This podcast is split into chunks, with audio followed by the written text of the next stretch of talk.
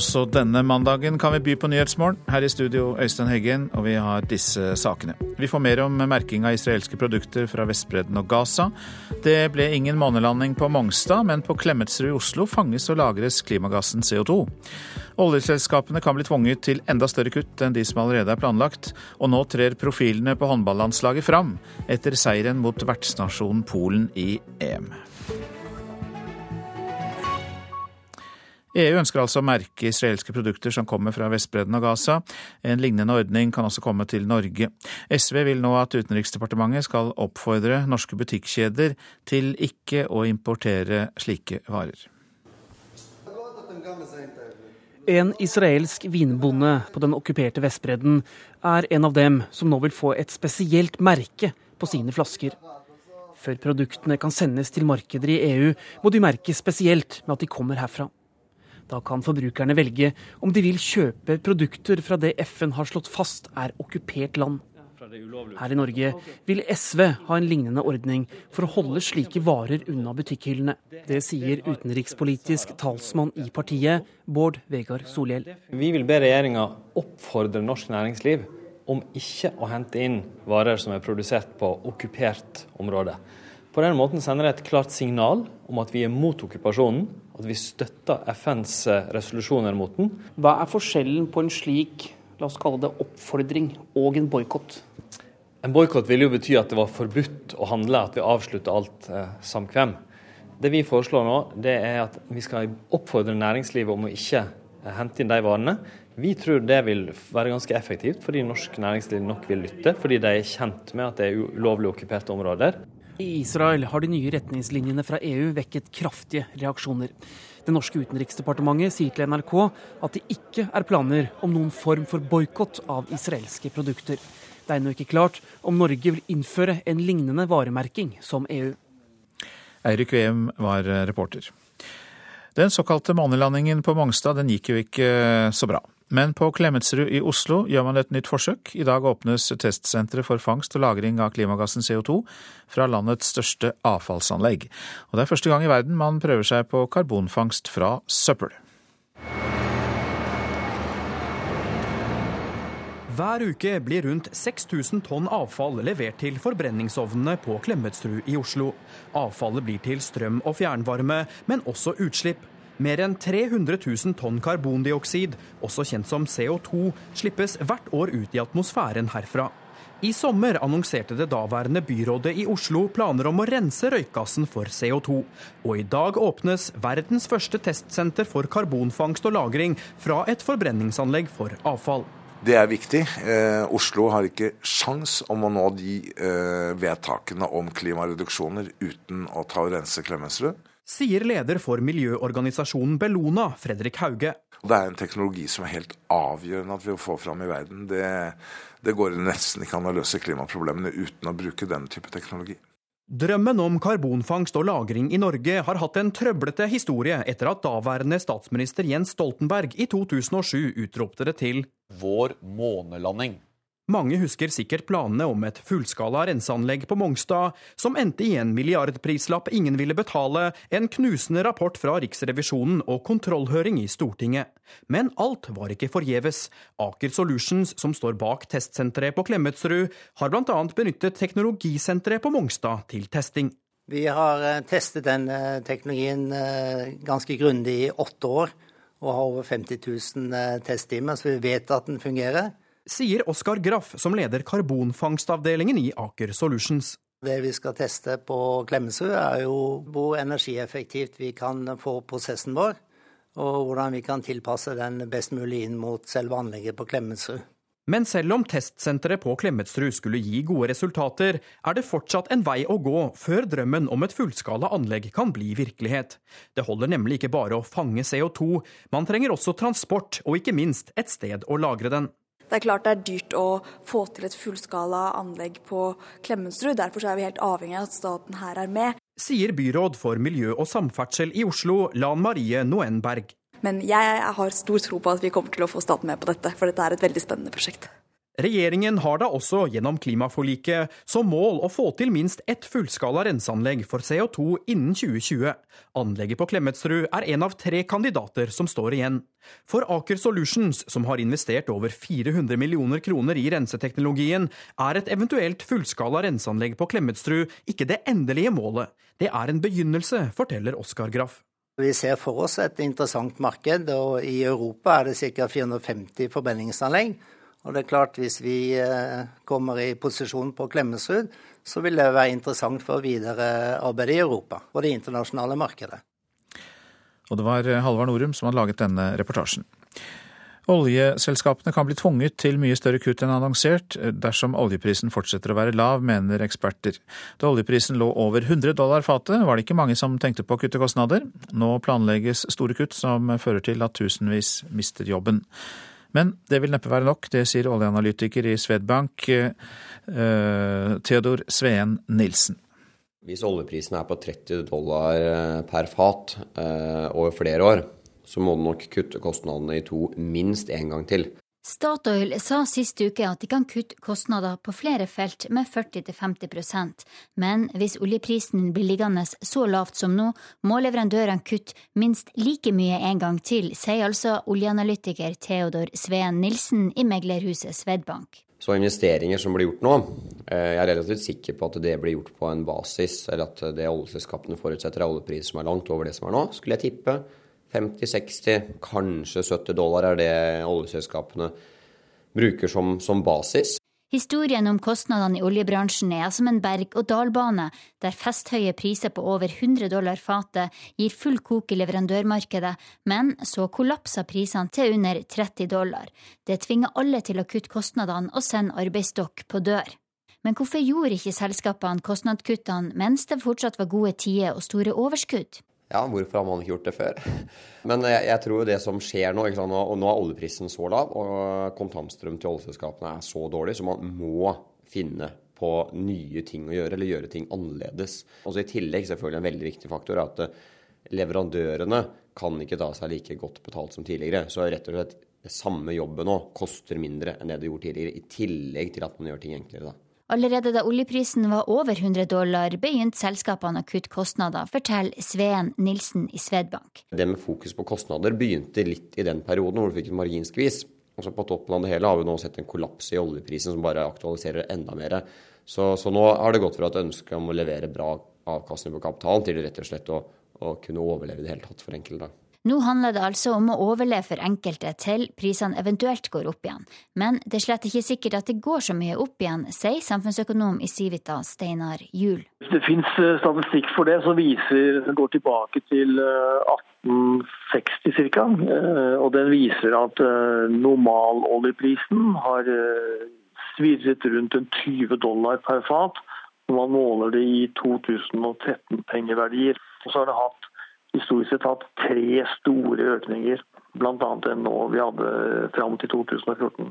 Dermed så er det slett ikke sikkert at oljeprisene går så mye opp som mange trenger at de skal gjøre for at de skal kunne fortsette? Nei, jeg synes det er, altså Mange ganger så, så glemmer man uh, hva som har vært det normale, når man liksom er i en situasjon hvor, uh, som har vært uh, eksepsjonelt god. Vi må basere oss på at det normale er en vesentlig lavere oljepris. Om den eh, kommer til å ligge på 40 dollar 50 eller 30 eller 20, det vil ikke jeg si bestemt om. Reportere her Linda Reinholdsen og Hedvig Bjørgum. Nå til eh, avisene.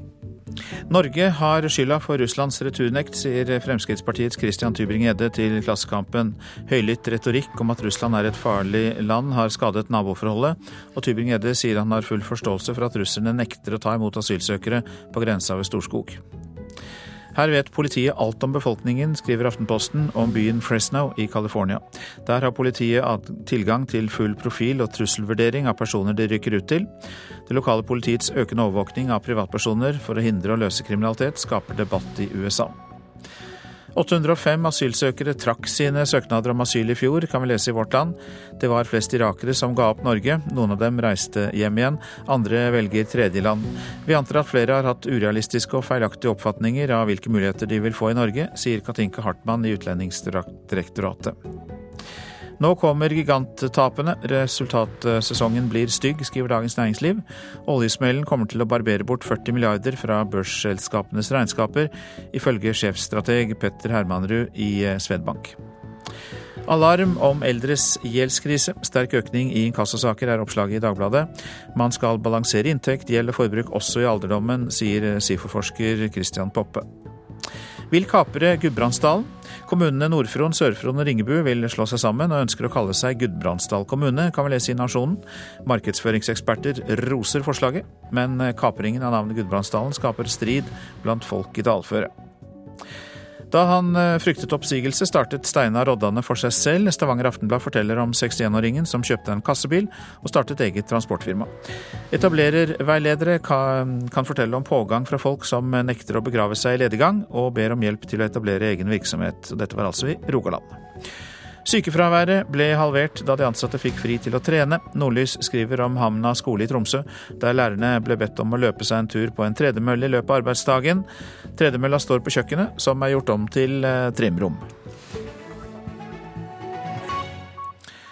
Før herrenes håndball-EM så snakket mange om et landslag med spillere som få kjente. Men etter innsatsen lørdag, med seier over vertsnasjonen Polen, så trer nye profiler fram. Ja, jeg, jeg, har ikke noe mot det, det har jeg ikke, men eh, det, det er moro å være en del av det laget her. Det det. Espen Lie Hansen banka inn åtte mål mot Polen på lørdag, og er nå en av Norges store stjerner. Lie Hansen satser! Espen Lie Hansen! For en kamp du har! For en mann du er!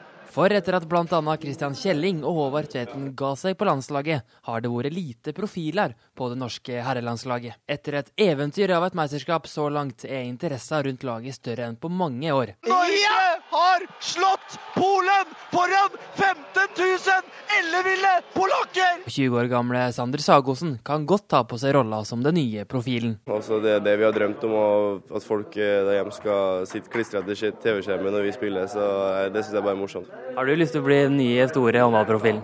Ja, helt klart har jeg lyst til det. Men eh, jeg syns vi, vi, fremstår som et lag, og det har vi gjort gjennom hele mesterskapet. og Det er det som gjør oss så gode. NRKs ekspert er en av de tidligere profilene i Håvard Tveten.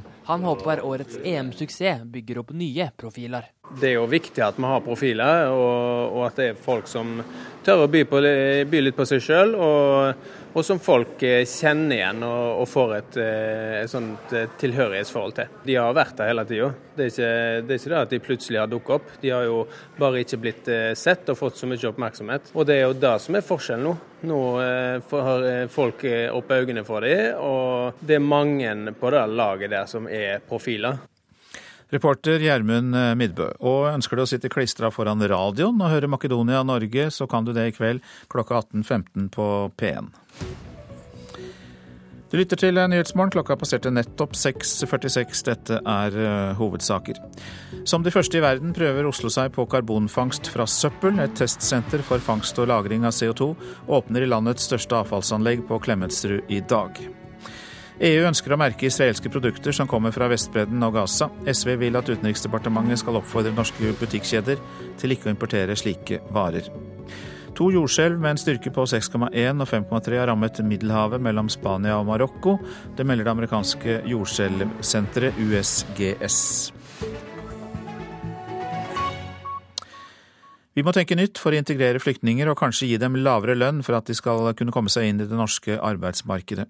Disse tankene kommer fra leder for flyktning- og integreringsarbeid i Kristiansand kommune og tidligere Nav-sjef Elisabeth Engemyr. Det var 30 000 asylsøkere som kom til Norge i fjor, og i år så planlegger UDI for at det kan bli flere. Der kan, kommer vann, og så dit kan høre det. Tepperenseren går i et privathus i Vågsbygd i Kristiansand. 32 år gamle Iskender Midjit, politisk flyktning fra Kina, er en av mange flyktninger som i tida framover jakter én ting i sitt nye hjemland en jobb. Vi prøver å, å kjenne den, denne maskinen. Den maskinen tepperens. To år i Norge, kone og barn på plass. Allerede flink nok til å gjøre seg forstått. Nå kan det løse seg, etter at Iskender har prøvd iherdig. Mange, mange nei. Eksempel eh, bilbud, avisbud, Bring, eh, Nordpost, altså Posten. Ingen stilling for meg. Over 30 000 asylsøkere i 2015. UDI aner ikke hvor mange som kommer i år, men planlegger for det dobbelte. Lite er sikkert, bortsett fra at mange skal integreres. Mange bør få seg en jobb. Elisabeth Engemyr har lang erfaring fra Nav, men jobber nå som leder for integrasjonsarbeidet i Kristiansand kommune. Og jeg tenker Denne gruppa må vi også tror jeg, tenke litt høyt om. Og kanskje tørre å tenke noen nye tanker. Som f.eks. at en arbeidsgiver kan betale under tariffesta minstelønn. Det er klart, en økonomisk sosialhjelp er mindre enn tarifflønn. Men dette må drøftes. Jeg syns i hvert fall at det, det, er noe som vi må kunne vurdere og, og tørre å diskutere. Og så kan det godt være at det er feil, men en må, jeg tror folk flest har lyst til å prøve seg i arbeidslivet. Jørn Olsen driver Elitevask med 20 ansatte, i en bransje som preges av mange med utenlandsk bakgrunn. Han etterlyser enklere ordninger når han vil teste ut en mulig ansatt. Jeg har drevet mye med integrering av de som kommer til landet. Jeg, har fokus på det. Men jeg ser at det, det tar mye av tida mi. Og det tar mye av tida eh, på å få folk til å bli integrert. For vi skal jo forklare dem, vi skal gi dem litt ekstra opplæring. Og da trenger vi støtteordninger. Og det har vi opplevd at det de har eh, vært noen som leverer det, og noen som ikke leverer det. Og Olsen mener lavere lønn kan være et virkemiddel. Det tror jeg eh, kan åpne for muligheter for at de kan komme inn, men eh, det må jo også da være styrt, så ikke det blir misbruk av disse menneskene. Jeg er opptatt av at det er gode etiske retningslinjer rundt det, og at de skal være i et opplæringsprogram hvis de går i en lavere lønn, og at ikke det skal være i den ordinære drift. Det, det, kommer jeg til å være veldig opptatt av. For det er ikke sikkert de kan gå inn akkurat i det samme ordinære arbeidsmarkedet som vi har brukt det nå. I og med at arbeidsmarkedet er, er, er vanskelig nå. At vi får et strammere arbeidsmarked. Derfor kan det være at vi må tenke spesielle tiltak her. Altså, der kommer uh, uh, skytteren og kommer inn. Uh Midjit sier han kunne godta en ordning som fraviker tarifflønn i en kortere periode. Det er ingen problem. Men vi også uh, uh, håper etterpå kan likestilling en andre, uh, andre ansatt. Det er kanskje en liten periode, litt lavere lønn. Det er ingen problem. Denne reportasjen var laget av Eirik Damsgaard. Margaret Olins dokumentar om Snåsamannen Joralf Gjerstad slår alle tidligere premiererekorder for dokumentarfilmer i Norge. I løpet av de to første dagene hadde 11 500 sett filmen, og i går kveld var det premiere på Snåsa. Truskap imot det gode. Truskap imot sine neste. Truskap imot seg sjøl. Troskap mot det gode, sin neste og seg sjøl. Det er viktige byggesteiner for et menneskeliv, mener mannen fra Snåsa, Joralf Gjerstad. Folket i Snåsa var iallfall tro mot sin berømte sambygning i går kveld, og ikke alle som kom til kinoen fikk plass på første forestilling, men måtte vente til visning nummer to. Filmskaper Margaret Olin sier hun har venta på akkurat denne dagen. Dette er jo en dag som både jeg og Joralf har sett fram til lenge og gleder meg veldig. Og nå er det jo utsolgt på første forestilling og mange som må snu i døra. Um, og så blir det mingling etterpå. Så jeg er jo veldig spent på å høre hva snåsningene sier, da.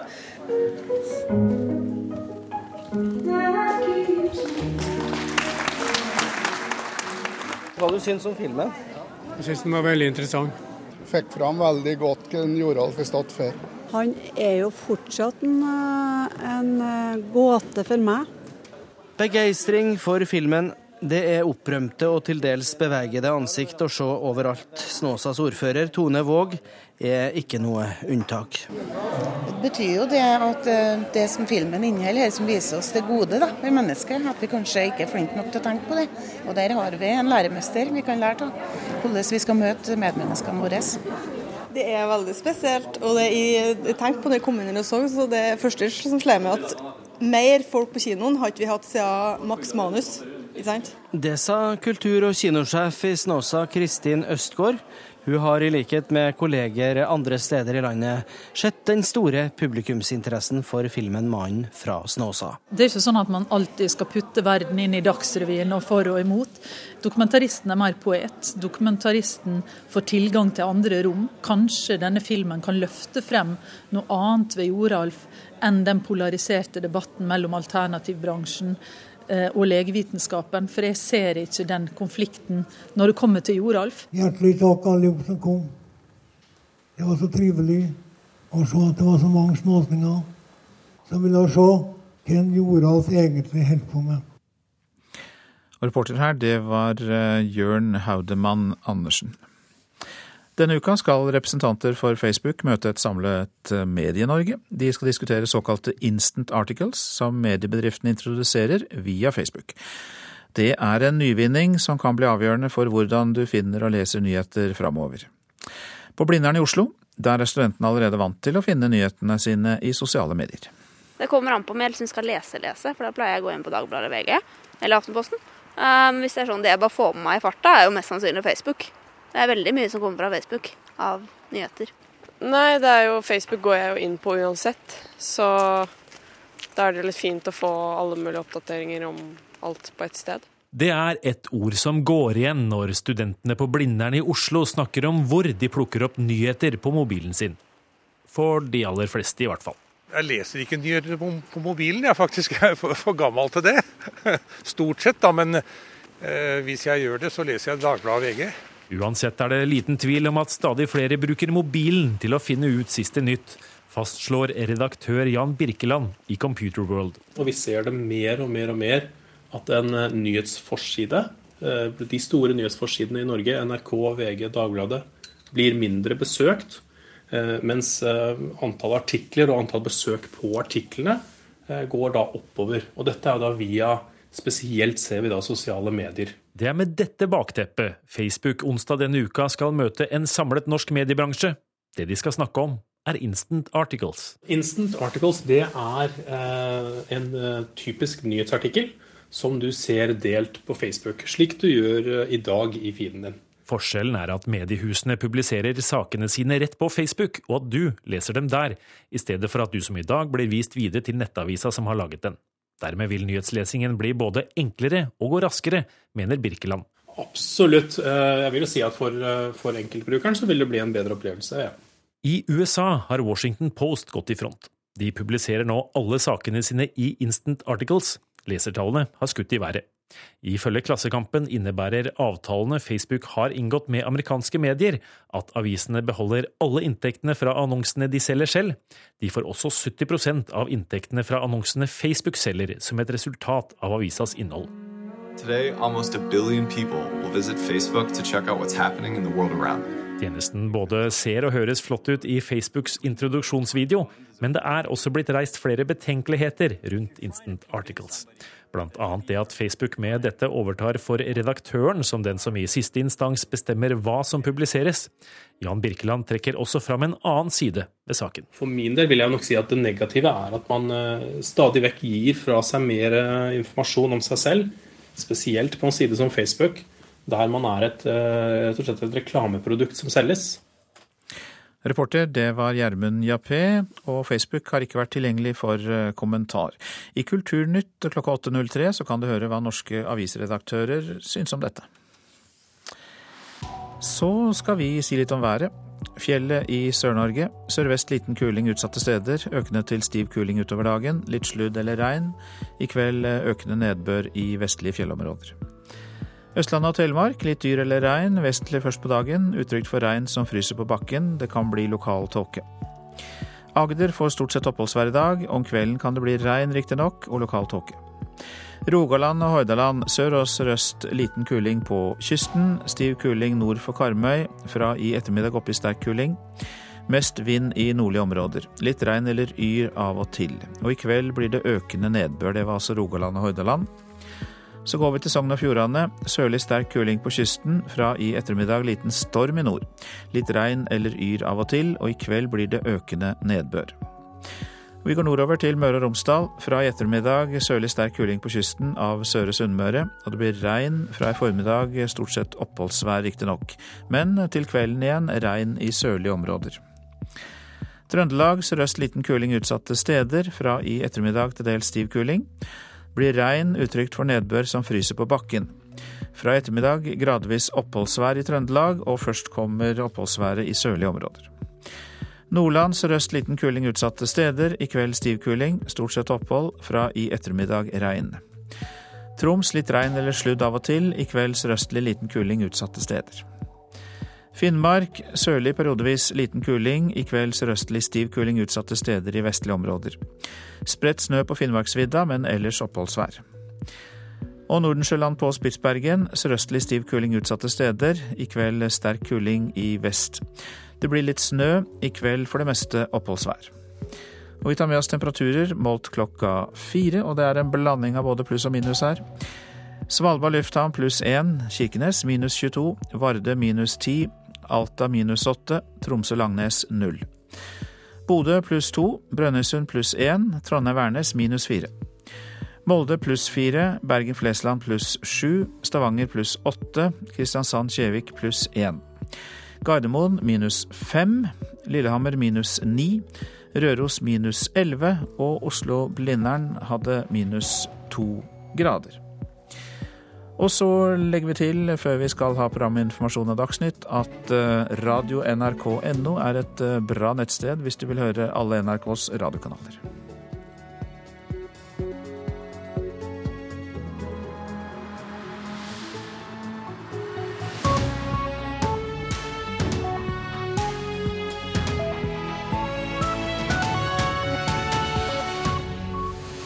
Nyhetsmorgen fortsetter eh, med mer om kritikken mot regjeringens asylhåndtering. Den kritikken Erna Solberg kaller liten og uviktig.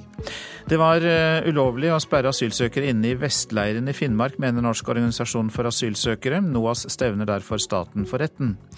Ørsmå mikroplastbiter i sminke og tannkrem ødelegger livet i havet. Naturvernforbundet ber om forbud, slik som USA har innført. Og det kommer 1400 deltakere fra over 30 land til Tromsø i dag. Og nordområdekonferansen Arctic Frontiers. Det var riktig å informere offentligheten før politiet utlendingsenhet i Finnmark ble informert. Det sier statsminister Erna Solberg fra Høyre. Regjeringen har jo fått sterk kritikk eh, for at Politiets utlendingsenhet i Finnmark ikke var informert om Russlands stans i asylreturer. Og Helga Pedersen fra Arbeiderpartiet sa til NRK i går kveld at regjeringen mangler kontroll. Men statsminister Erna Solberg er ikke enig. Hun sier at denne kritikken både er liten og uviktig. Politiets utlendingsenhet ble varslet fredag kveld. Eh, så får de vurdere hvorfor det ikke har gått varsler lenger ned. Men det er jo sånn at lørdag ble brukt til intensivt arbeid i Utenriksdepartementet i kontakt med andre departementer for å stille seg spørsmålet hvilken strategi har vi nå. Og det, Hvis vi skulle brukt tid på å bruke all tiden vår på å informere nedover, istedenfor å ha svarene på hva, hvordan håndterer vi denne situasjonen, så ville, ville, vi kanskje brukt ressursene våre feil. Men burde Men ikke de som faktisk utfører dette, også få beskjed? Ingen skulle sendes ut i løpet av helgen. Så det var ikke noe grunnlag for at vi var nødt til å gjøre det. I tillegg så har jeg lyst til å si en ting. Det er utrolig mye som skjer på utlendingsfeltet nå. Det er veldig mange ting som skal gjennomføres. Og jeg syns kritikken av at man ikke har fått ut informasjon der, er ganske liten. Jeg mener faktisk at det hadde vært mer kritikkverdig hvis vi hadde ventet med å informere offentligheten for å være sikker på at alle andre var informert nedover, før vi informerte eh, den generelle offentligheten gjennom media. Så personlig så mener jeg at vi kommer til å ha mange tilfeller av at ikke alt går på skinner i, i forbindelse med en av de største utfordringene vi har. Men det får altså ganske sterk kritikk. Venstre krev at du må stramme opp innvandringsministeren din. Arbeiderpartiet sier at regjeringa mangler kontroll. Det er sånn at Flyktningkrisen utfordrer all kontroll eh, i Norge. Eh, det som skjedde på fredag, var at Russland endret standpunktet hvordan vi skulle håndtere eh, utsendelse og oversendelse tilbake til Russland over de personene som vi har vært enige om at vi skal kunne returnere.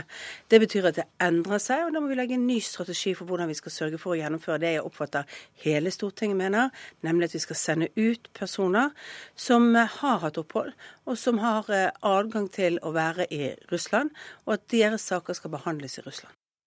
Det sa statsminister Erna Solberg til programleder i Politisk kvarter, Astrid Randen. Det vanskelige forholdet som er skapt mellom Oslo og Moskva, gjør det verre for Norge å returnere asylsøkere til Russland. Det sier Christian Tybring-Gjedde fra Fremskrittspartiet til Klassekampen i dag. Han mener Russlands returnekt er som forventet, etter uttalelser fra partier og organisasjoner i Norge om at Russland er et utrygt land å returnere folk til. Jeg har en forståelse for at Russland kan føle seg provosert av de mange som har eh, anklaget Russland for å være et utrygt land og for at de bryter menneskerettighetene osv. Og da først og fremst eh, politikere i Nord-Norge, en rekke organisasjoner og enkeltpersoner av politikere som har brukt negative karakteristikker av Russland. Det syns jeg er uheldig. I høst kom det over 5000 asylsøkere til Norge over Storskog i Finnmark. Blant dem som har fått asylsøknaden sin behandlet, har 95% fått avslag. Disse personene vil Norge sende tilbake, men fredag meldte russiske myndigheter at de ikke kommer til å ta dem imot.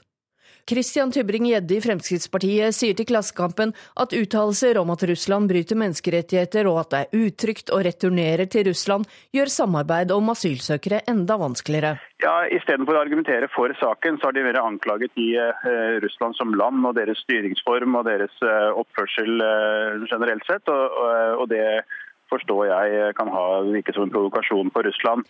Også regjeringen har et ansvar, mener Tybring-Gjedde men han håper at utenriksminister Børge Brende får løst opp i situasjonen denne uken. Nå er det mitt håp at de eh, asylsøkerne blir sendt tilbake, og det burde de blitt. Og jeg håper jo selvfølgelig at regjeringen klarer å finne frem til en løsning med Russland, hvor alle samtlige 5500 eh, blir sendt tilbake. Også Brende har sagt at situasjonen ikke blir enklere av all kritikken mot Russland fra norsk side. Eh, det, men vi har sagt at vi trenger ikke å stilne kritikken, men vi må vise fasthet overfor Russland om hvordan vi mener at ansvaret skal være. Det sa statsminister Erna Solberg i Politisk kvarter i dag. Vi skal fortsatt være tydelige på eh, menneskerettighetsbrudd i Russland. Vi skal være tydelige på at vi er Og vi har jo også eh, tiltak eh, mot deres brudd på folkeretten. Så skal vi også være, si at vi har hatt et godt forhold med Russland når det gjelder håndteringen av situasjonen på Storskog. Hadde vi ikke hatt et samarbeid med Russland nå, så hadde vi ikke hatt 5500 asylsøkere som hadde kommet over den grensen. Vi hadde et betydelig større antall. Det viktigste for meg er at vi viser at vi, er, vi faktisk er tydelige overfor Russland om at det er deres ansvar å behandle disse sakene. Det var det vi ba om hjelp fra Stortinget for å få lovregler på i høst. Det var det vi fikk tilslutning til, og da må vi fortsatt være tydelige på det. Reporter Hedvig Bjørgum. Norsk eh, organisasjon for asylsøkere, NOAS, hevder at en gruppe asylsøkere som ble transportert fra andre mottak til Vestleiren i Finnmark, ble ulovlig frihetsberøvet. Asylsøkerne har bl.a. fortalt at de ikke fikk eh, lov til å gå ut av leiren, og at de som gikk ut, eh, ble stoppet av politiet og hentet tilbake. Seniorrådgiver i NOAS, Jon Ole Martinsen, sier de nå vil stevne staten for retten. Vi ønsker jo å få prøvd dette eh, rettslig, slik at vi kan få på det rene om det her har foregått et brudd på de klare rettsreglene som man skal ha for å få eh, fengslet noen. En gruppe asylsøkere ble lørdag for litt over en uke siden transportert fra andre mottak til ankomstsenter Finnmark utenfor Kirkenes. Under oppholdet på ankomstsenteret hevder asylsøkerne at de ikke fikk gå ut av leiren, og at de måtte bli der mens de ventet på å bli sendt ut av landet. Politiet har tidligere nektet for dette, og hevder asylsøkerne kunne bevege seg fritt. Sa reporter Kristine Næss Larsen. Og asyladvokat Brynjulf Risnes, som har flere klienter blant asylsøkerne i Finnmark, eh, han forstår godt at NOAS ønsker å gå til søksmål mot Politiets utlendingsenhet, fordi elleve asylsøkere altså hevder at de ble utsatt for ulovlig frihetsberøvelse. Når man får en så ekstraordinær situasjon at man skal uttransportere så mange på så kort tid, så setter det politiet under et voldsomt press. og da kan det sikkert være vanskelig for dem innimellom å følge reglene. og Da er det jo viktig at det blir påpekt, sånn at man får retta dette for fremtida. Så kan man jo også ha forståelse for at politiet ønsker kontroll over de som skal sendes ut? Det kan man absolutt. Og jeg tror mange har forståelse for at politiet her har vært i en vanskelig situasjon. Eh, problemet er vel heller her det underliggende. Altså det at det er skapt en situasjon med disse uttransporteringene som er så vanskelige at selv politiet får problemer med å følge sine egne regler. Du er jo også en kjenner av russiske forhold. Du har forsket på det russiske rettsvesenet bl.a., og du sa til VG i helgen eh, at det er Norges og norske politikeres skyld at det er stans i returavtalen med Russland. Hvorfor sier du det? Ja, Nå vet vi jo ikke det, da. Uh, verken uh, Brende eller andre har jo fortalt oss egentlig hva russerne har sagt, og hva som er den egentlige grunnen. sånn dette får litt preg av spekulasjon. Men det vi vet, er jo at dette er et samarbeid man har hatt i omtrent 20 år, og det har alltid gått prikkfritt. Uh, russerne har vært veldig samarbeidsvillige og har alltid tatt imot de personene som Norge har ønska å sende ut. Og de som kjenner russisk byråkrati, vil vite at de liker sikkerhet, forutsigbarhet, systemer. Eh, så det kan være grunn til å anta at disse plutselige forandringene fra norsk side har vært med på å påvirke det at det ikke lenger går smertefritt. Snakker du da om de plutselige forandringene i asylloven som ble tatt som en hastesak i Stortinget? Ja, og det at man plutselig skal sende tilbake personer uten å behandle søknaden deres, altså uten at man vurderer saken i Norge, det er noe som aldri har skjedd før i Norge, og som ikke vi er vant til her, og som russerne heller ikke er vant til. Og så klart så har det noe med mengden å gjøre. Så det kan være en grunn, sier du, til at uh, russerne bremser opp her. Men på den annen side så må man jo si at uh, hadde behandlingen av søknadene skjedd på tradisjonell måte, hadde det jo trukket veldig ut i tid, og det hadde vært nødvendig å gi disse asylsøkerne opphold. Mm. Ja, det mener jeg ikke er riktig, da. Uh, poenget er jo at allerede tidligere så hadde man jo sånne hurtigløp som man kalte altså 48-timersregelen og andre hurtigløp. Så det har ikke vært noe problem å, å gjort dette. Og min påstand er jo at veldig mange av disse såkalte ugrunna søkerne hadde vært ute for lenge siden etter det gamle løpet. Jeg tror at uh, disse hastereglene som er vedtatt, har vært veldig unødvendige. Mente advokat Brynjulf Risnes. Du lytter altså til Nyhetsmorgen. Klokka den nærmer seg 8.43. Dette er hovedsaker. Regjeringen har fått sterk kritikk for at Politiets utlendingsenhet i Finnmark ikke var informert om Russlands stans i asylreturer, men statsminister Erna Solberg sier nå at denne kritikken er liten og uviktig. Det var ulovlig å sperre asylsøkere inne i vestleiren i Finnmark, mener Norsk organisasjon for asylsøkere. NOAS stevner derfor staten for retten. Og I formiddag åpner verdens første testsenter for CO2-fangst fra søppel. Det skjer på Klemetsrud i Oslo, ved Norges største avfallsanlegg.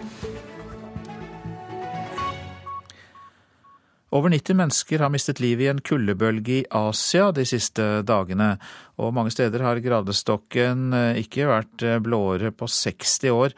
Asia-korrespondent Peter Svaar i Beijing, du har opplevd det selv på kroppen. Eh, hvordan var det?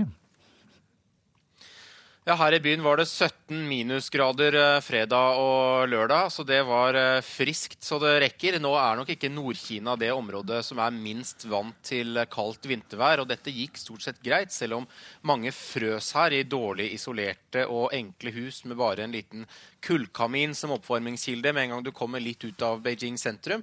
Det var også en ganske alvorlig brann her i sentrum av Beijing natt til søndag, hvor fem mennesker omkom. og Den kan også trolig, trolig knyttes til at folk har sprengfyrt for å holde varmen her. Ja, det virker jo som det kan være litt eh, vanskelig å få vernet seg mot eh, kulda. Hvordan har de taklet dette vinterværet, da? Det varierer jo litt fra nord til sør i Kina, men det er faktisk 24 værstasjoner i dette landet som eh, har satt kulderekorder nå de siste dagene. Her i nord er man jo vant til vinter, og i eh, indre Mongolia har det vært temperaturer som ville fått selv finnmarkinger til å nikke anerkjennende med 47 minus eh, nå i helgen. Mens lenger sør har f.eks. byen Guangzhou hatt sitt første snøvær på 60 år. Så det er mange steder i Sør-Kina hvor folk har løpt ut for å se snø for for første gang i sitt liv. Og mange har vært veldig fascinert av det. Eh, og så har jo været også ført til veldig store forsinkelser både i flytrafikk og i kaos på veiene akkurat nå som reisesesongen foran det kinesiske nyttåret er i ferd med å starte. Ja, mange løp ut for å se på snøen, sier du. Og så var det også slik, forstår jeg, at eh, man håpet på snø i Hongkong i helgen, men den kom ikke. Den kom aldri, men det var jo totalt kaos oppe på Hongkongs høyeste punkt, eh, Tai Mushan, der maratonløpere og snøturister som håpet på å få et glimt av eh, snøvær, istedenfor ble strandet mens veiene var glatte og biler og busser eh, ikke kunne komme seg ned fra fjellet igjen. Og Brannvesenet i Hongkong måtte rykke ut med masse konstabler og be folk om å holde seg hjemme, og det var flere som fikk frostskader. Og dette har jo knapt skjedd før i subtropisk kinesiske Hongkong, som bare har opplevd snø en håndfull ganger i moderne tid. Sist var på 1970-tallet. Men derimot så kom snøen til eh, Taiwan. De hadde temperaturer ned i fire grader i helgen. Det kaldeste på 44 år, og kulden har tatt ganske mange liv, opp mot 90, fordi mange ikke hadde gode nok eh, klær. Og lenger sør, mot eh, Sørøst-Asia, hadde Vietnams hovedstad Hanoi seks grader i helgen, og Bangkok, hvor folk er vant til å gå i sandaler, hadde 16 grader. Dramatisk nok for dem som er vant til varmen. Takk skal du ha, Peter Svaar, om denne rapporten fra Beijing om kulde og snø. EU ønsker å merke israelske produkter som kommer fra Vestbredden og Gaza. En lignende ordning kan også komme i Norge. SV vil nå at Utenriksdepartementet skal oppfordre norske butikkjeder til ikke å importere slike varer. En israelsk vinbonde på den okkuperte Vestbredden er en av dem som nå vil få et spesielt merke på sine flasker. Før produktene kan sendes til markeder i EU, må de merkes spesielt med at de kommer herfra. Da kan forbrukerne velge om de vil kjøpe produkter fra det FN har slått fast er okkupert land. Her i Norge vil SV ha en lignende ordning for å holde slike varer unna butikkhyllene. Det sier utenrikspolitisk talsmann i partiet, Bård Vegar Solhjell. Vi vil be regjeringa oppfordre norsk næringsliv om ikke å hente inn varer som er produsert på okkupert område. På den måten sender det et klart signal om at vi er mot okkupasjonen, at vi støtter FNs eh, resolusjoner mot den. Hva er forskjellen på en slik la oss kalle det oppfordring og en boikott? En boikott ville jo bety at det var forbudt å handle, at vi avslutter alt eh, samkvem. Det vi foreslår nå, det er at vi skal oppfordre næringslivet om å ikke eh, hente inn de varene. Vi tror det vil være ganske effektivt, fordi norsk næringsliv nok vil lytte. Fordi de er kjent med at det er ulovlig okkuperte områder. I Israel har de nye retningslinjene fra EU vekket kraftige reaksjoner. Det norske utenriksdepartementet sier til NRK at det ikke er planer om noen form for boikott av israelske produkter. Det er ennå ikke klart om Norge vil innføre en lignende varemerking som EU. Sa reporter Eirik Veum. Den konservative politikeren Marcelo Rebello de Sousa har vunnet presidentvalget i Portugal. Sousa fikk mer enn 52% av stemmene, og dermed har han sikret seg den oppslutningen han trenger for å unngå en ny valgomgang. Sosas nærmeste konkurrent var venstresidens kandidat Antonia Sampaio de Nova. Han fikk 22% av stemmene. Oljeselskapene kan bli tvunget til å kutte mer enn annonsert dersom oljeprisen fortsetter å være lav, mener eksperter. Da oljeprisen lå over 100 dollar fatet, var det ikke mange som tenkte på å kutte kostnader. Nå planlegges store kutt som fører til at tusenvis mister jobben. Men eh, det vil neppe være nok, sier oljeanalytiker i Svedbank, eh, Theodor Sveen Nilsen. Hvis oljeprisen er på 30 dollar eh, per fat over flere år, så må den nok kutte kostnadene i to minst én gang til. Statoil sa sist uke at de kan kutte kostnader på flere felt med 40-50% men hvis oljeprisen blir liggende så lavt som nå, må leverandørene kutte minst like mye en gang til, sier altså oljeanalytiker Theodor Sveen Nilsen i meglerhuset Svedbank. Så investeringer som blir gjort nå, eh, jeg er relativt sikker på at det blir gjort på en basis, eller at det oljeselskapene forutsetter er oljepris som er langt over det som er nå, skulle jeg tippe. 50-60, kanskje 70 dollar er det oljeselskapene bruker som, som basis. Historien om kostnadene i oljebransjen er som en berg-og-dal-bane, der festhøye priser på over 100 dollar fatet gir full kok i leverandørmarkedet, men så kollapser prisene til under 30 dollar. Det tvinger alle til å kutte kostnadene og sende arbeidsstokk på dør. Men hvorfor gjorde ikke selskapene kostnadskuttene mens det fortsatt var gode tider og store overskudd? Ja, hvorfor har man ikke gjort det før? Men jeg, jeg tror det som skjer nå, sant, og nå er oljeprisen så lav, og kontantstrøm til oljeselskapene er så dårlig, så man må finne på nye ting å gjøre, eller gjøre ting annerledes. Og I tillegg selvfølgelig en veldig viktig faktor er at eh, leverandørene kan ikke ta seg like godt betalt som tidligere. Så rett og slett samme jobben nå koster mindre enn det det gjorde tidligere, i tillegg til at man gjør ting enklere. da. Allerede da oljeprisen var over 100 dollar, begynte selskapene å kutte kostnader, forteller Sveen Nilsen i Svedbank. Det med fokus på kostnader begynte litt i den perioden hvor du fikk en marginskvis. Altså på toppen av det hele har vi nå sett en kollaps i oljeprisen som bare aktualiserer enda mer. Så, så nå har det gått fra et ønske om å levere bra avkastning på kapitalen til rett og slett å, å kunne overleve i det hele tatt for enkelte. Nå handler det altså om å overleve for enkelte til prisene eventuelt går opp igjen. Men det er slett ikke sikkert at det går så mye opp igjen, sier samfunnsøkonom i Civita Steinar Juel. Det finnes eh, statistikk for det som viser, går tilbake til 1860 ca. Og den viser at normaloljeprisen har svirret rundt en 20 dollar per fat når man måler det i 2013-pengeverdier. Og så har det hatt, historisk sett hatt tre store økninger, bl.a. den nå vi hadde fram til 2014. Dermed så er det slett ikke sikkert at oljeprisene går så mye opp som mange trenger at de skal gjøre for at de skal kunne fortsette? Nei, jeg synes det er, altså Mange ganger så, så glemmer man uh, hva som har vært det normale, når man liksom er i en situasjon hvor uh, som har vært uh, eksepsjonelt god. Vi må basere oss på at det normale er en uh, vesentlig lavere oljepris. Om den uh, kommer til å ligge på 40 dollar 50 eller 30 eller 20, det vil ikke jeg si bestemt om. Reportere her Linda Reinholdsen og Hedvig Bjørgum. For få minutter siden så åpnet den store nordområdekonferansen Arctic Frontiers på Universitetet i Tromsø, med om lag 1500 deltakere. På tiende året arrangeres den, og politikere, forskere og næringslivsfolk har jo gjennom disse årene diskutert liv og bærekraft og verdiskapning nettopp i Arktis. Kollega Lars Egil Mogård, du er på universitetet, og hva er tema for årets konferanse? Jo, Tema for årets konferanse er industri og miljø. Man vil se på denne viktige problemstillinga. Og det er jo kommet folk fra, eller vil komme fra kanskje rundt 30-35 land for å delta på denne konferansen. Det er jo elleve ministre fra inn- og utland som, eh, som, vil være her. Og nå nettopp kom jo utenriksminister Børge Brende for å snakke om eh, stat, status for eh, for det som nå skjer i Arktis. Og Dette har jo etter hvert blitt en kjempesvær konferanse. Daglig leder Ole Øvretveit i Arctic Frontiers. Hvorfor har dere blitt så store, tror du? Det, det, det, tror jeg har flere grunner, men den viktigste grunnen er at den interessen for arktiske spørsmål og arktisk utvikling eh, er i vekst. Og har vært i vekst de siste, de siste åra. Så det merker, vi, det merker vi godt her på Arctic Frontiers. Men i ti år har dere hatt denne konferansen. Hva har kommet ut av alle disse møtene og alle disse ministrene og alle disse foredragene? Jeg tror det er veldig viktig at uh, aktører fra forskjellige sektorer, fra politikk, fra forskning, fra næringsliv, fra NGOs-møter, så møtes. Jeg tror det er veldig viktig at aktører fra forskjellige land uh, snakker over grensene. Og Arctic Frontiers er en arena der man, der man gjør akkurat det. Men Tromsø er jo ikke akkurat prega i dag av at Arctic Frontiers åpner her, hvis man nå ser, ser rundt i byen. Ja, sier ikke det.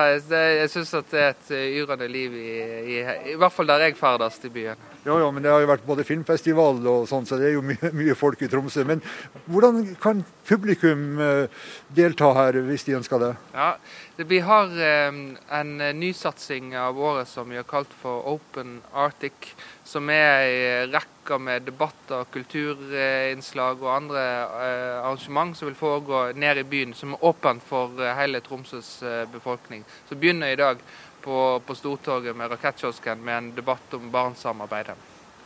Og så vil det gå slag i slag de første dagene om politikk, og mot slutten av uka så er det forskning som står på dagsordenen. Ja, det er rett. Og innimellom så har vi en businesskonferanse på, på Edge. De to du nevnte foregår jo her oppe på campus på universitetet. Så nå er arrangementet i gang. Som dere hører i Nyhetsmorgen, så massevis av folk fra inn- og utlandet er samla i Tromsø for å diskutere utviklinga i Arktisk og i nordområdene. Mange takk skal du ha, Lars Egil Mogård, som var reporter der, og hadde med seg daglig leder for Arctic Frontiers, Ole Øvre Tveit. USA vedtok nylig å forby mikroplast i kosmetikk. Nå vil både Naturvernforbundet og vannforskere at det samme blir gjort i Norge. Fire tonn av de små plastpartiklene skylles årlig ut i havet, og det er ikke bra for miljøet. Thomas Hartnick, leder for seksjon for avfall og grunnforurensning i Miljødirektoratet, sier at et forbud blir vurdert også i Norge. Det er jo en liten kilde for, for, mikroplast, men samtidig er det en kilde som kan uh, lett erstattes. Disse mikroplastkulene i, i, produktene kan erstattes med naturlige produkter som sand, som silika, som aprikoskjerne, malt aprikoskjerne. Så det skulle egentlig være en liten sak til å erstatte det. Vi skal nå i slutten av april komme med en anbefaling til eh, Klima- og miljødepartementet. Fordi mikroplast er et problem som, uh, som, som ikke stopper ved landegrenser. At det er et internasjonalt forbud. Og Vi ser jo at f.eks. Nederland og Sverige uh, har anbefalt et internasjonalt forbud.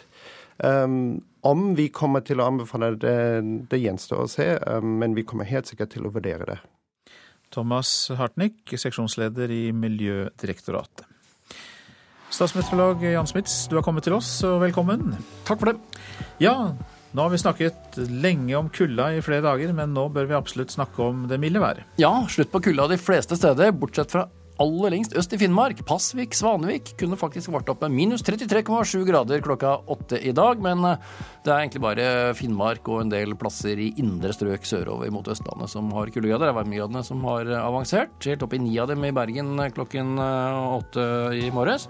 Og til og med Juvasø 1894 meter over havet i Jotunheimen, pluss én grad. Ja, og i høyden er det også varmt. Ja, det er varmt. Varmt i høyden over, eh, over Østlandet, sånn i ca. en kilometer over bakken. 1000 meter, ca. fem grader pluss. Men også så vidt pluss på Spitsbergen, Longyearbyen flyplassen der, pluss to grader nå. Temperaturen går litt ned. Det kommer litt sludd eller regn på kysten, snø i, i fjordene, men små mengder og sørøst stiv kuling utsatte steder. Liten kuling fra sør til sørøst i Finnmark. Litt snø kan det komme på vidda. Ellers oppholdsvær, og også ganske skyet i Troms. Litt sånn sludd eller regn hist og først og fremst i de ytre områdene, men små mengder. Oppholdsvær for det meste i Nordland i dag.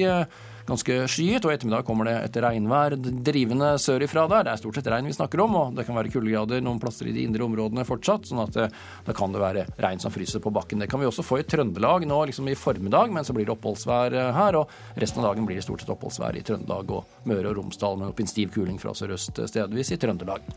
Økende vind på Vestlandet sør for Stad, sterk kuling i nord, kanskje liten storm i kveld. Og lite nedbør først på dagen. Var det sånn spredt regn og yr, rist og pist da, men det øker på med regn i kveld. Og det kommer også da nedbør inn i vestlige fjellstrøk, og med varmegrader i fjellet så snakker vi om regn ganske høyt opp i, i fjellet. Østafjells er det litt nedbør som henger igjen nå i de østlige delene på Østlandet. og Der er det kuldegrader, og det er varmt over, så det er regn som kommer ned. Så det kan fryse bakken enkelte steder også her. Men den nedbøren den trekker gradvis østover og etterlater seg oppholdsvær og lokal tåke.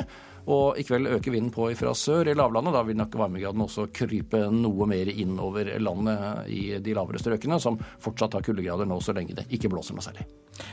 Helt kort til slutt, John Smits. De som liker mer vinterkulde, kan de vente seg noe kuldegrader? Ja, kuldegrader her og der blir det nok fortsatt, da, men ikke av det samme kaliber som vi hadde i forrige uke. Ikke samme kaliber som de har øst i Finnmark nå heller. Det er stort sett varmegradene som kommer til å råde landet mange steder denne uka her, men i hvert fall en del steder i indre strøk og i nord fortsatt under null. Takk skal du ha. Sven Gullvåg, Jean Erik Bjørnskau, Espen Hansen og Øystein Heggen, vi takker for oss. Vi sto bak denne sendingen av Nyhetsmorgen.